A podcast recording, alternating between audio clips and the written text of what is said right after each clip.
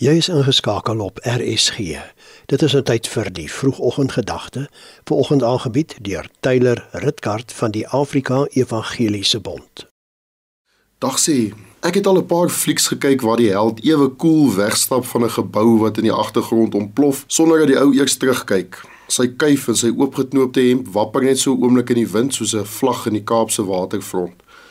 'n Party van ons stap ook so weg van hierdie jaar wat agter ons in vlamme opgaan, nê? Nee. Ons kyk ook nie om nie of in die drie speeltjie nie. Nie omdat ons so cool is nie, maar omdat ons jaar dalk een van neerlaag en foute was. Ons is te bang om om te kyk in geval hierdie jaar ons jaag soos 'n bil in die strate van Pamplona daar in Spanje. Ons lees in 2 Samuel 22 die wonderlike lof en danklied van Dawid aan die einde van sy merkwaardige lewe. Ek lees vir ons net 3 kort verse daarvan. Die Here het met my gehandel na my geregtigheid.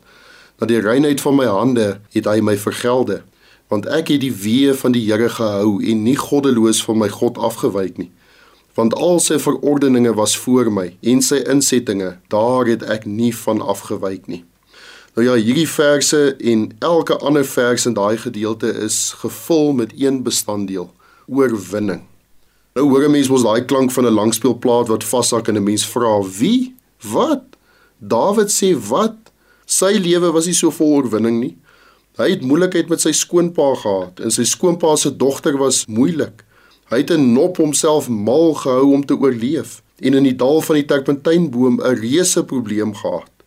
Abigail het bagasie in hulle huwelik ingedra. En sy huwelik met Batseba het op 'n dooie punt begin. Hy het rebelse kinders gehad.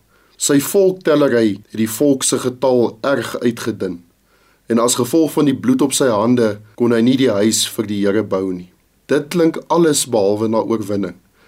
Tog kyk Dawid terug oor sy skouer of in die triespieël wat hy effens verstel en bring aan God lof en eer vir 'n goeie, rein geestelike lewe. Hoekom? As gevolg van die waarheid vervat in een baie kosbare en bekende vers.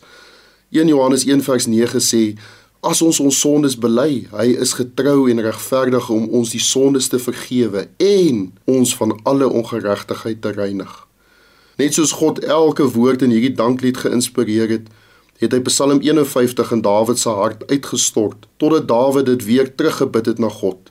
Was my heeltemal van my ongeregtigheid en reinig my van my sonde. Lees ons in Psalm 51 vers 4.